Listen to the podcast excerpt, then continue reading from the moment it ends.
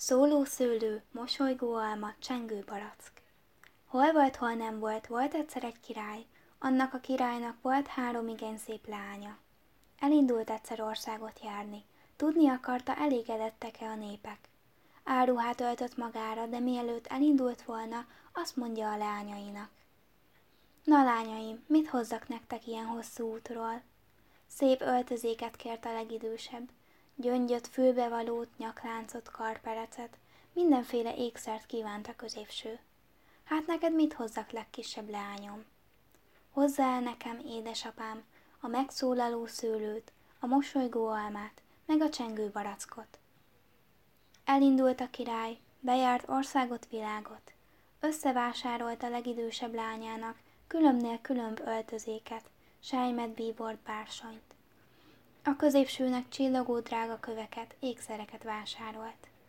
De a legkisebbnek nem talált se megszólaló szőlőt, se mosolygó almát, se csengő barackot.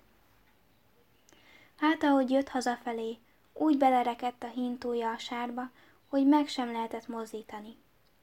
Mérgelődött a király a kocsisával, miközben mérgelődnek, egy hatalmas fehér disznó ugrik ki az erdőségből, és azt mondja királynak. Mit adsz nekem, felséges királyom, ha kihúzom a hintódat a sárból?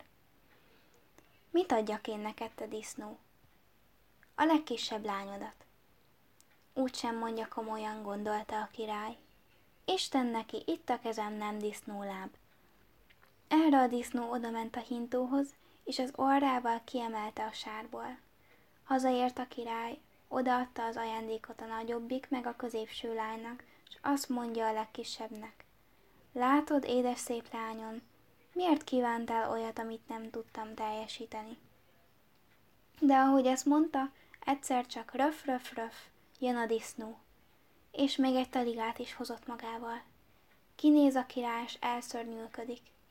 Mi baja van, édesapám? Miért borult úgy el az arca, kérdezi a legkisebb király kicsasszony.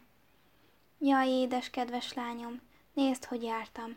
Jön érted a disznó, de nem engedem, hogy elvigyem feleségül. Hamar felöltöztettek egy szolgálót, és odavitték a disznónak. De az kiborította a talicskából, és továbbra röfögött az ajtónál.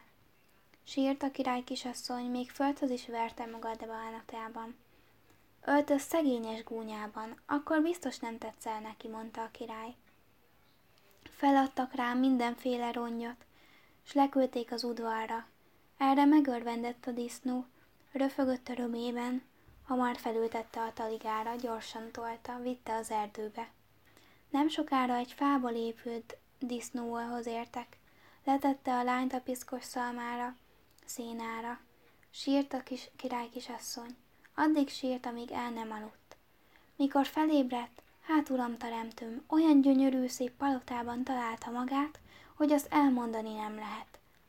Gyémánt volt annak minden szeglete, még a lépcsője is drága kövekkel volt kirakva. A disznó meg eltűnt, hanem helyette egy szépséges királyfi sétált föl alá. Oda ment a király kisasszonyhoz, megfogta a kezét, s azt mondta. Tudd meg, Engem tündér elvarázsolt, hogy addig disznó képében legyek, míg egy királylány nem lesz a feleségem. Karom fogta, elvezette a palota kertjébe, tele volt az mindenféle gyümölcsel.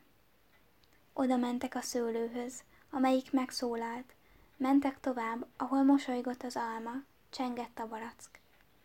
Erre vágytál, mondta a királyfi, és azt is mondta a tündér, hogy addig legyek disznó képében, amíg egy királylány ezekre nem vágyik. Te vágytál rá, és most mondd meg tiszta szívedből, akarsz-e a feleségem lenni? Nyakába ugrott a király kisasszony, összecsókolta. Aztán hintóba ültek, elmentek a királyhoz, nagy lakodalmat csaptak. És még ma is élnek, ha meg nem haltak.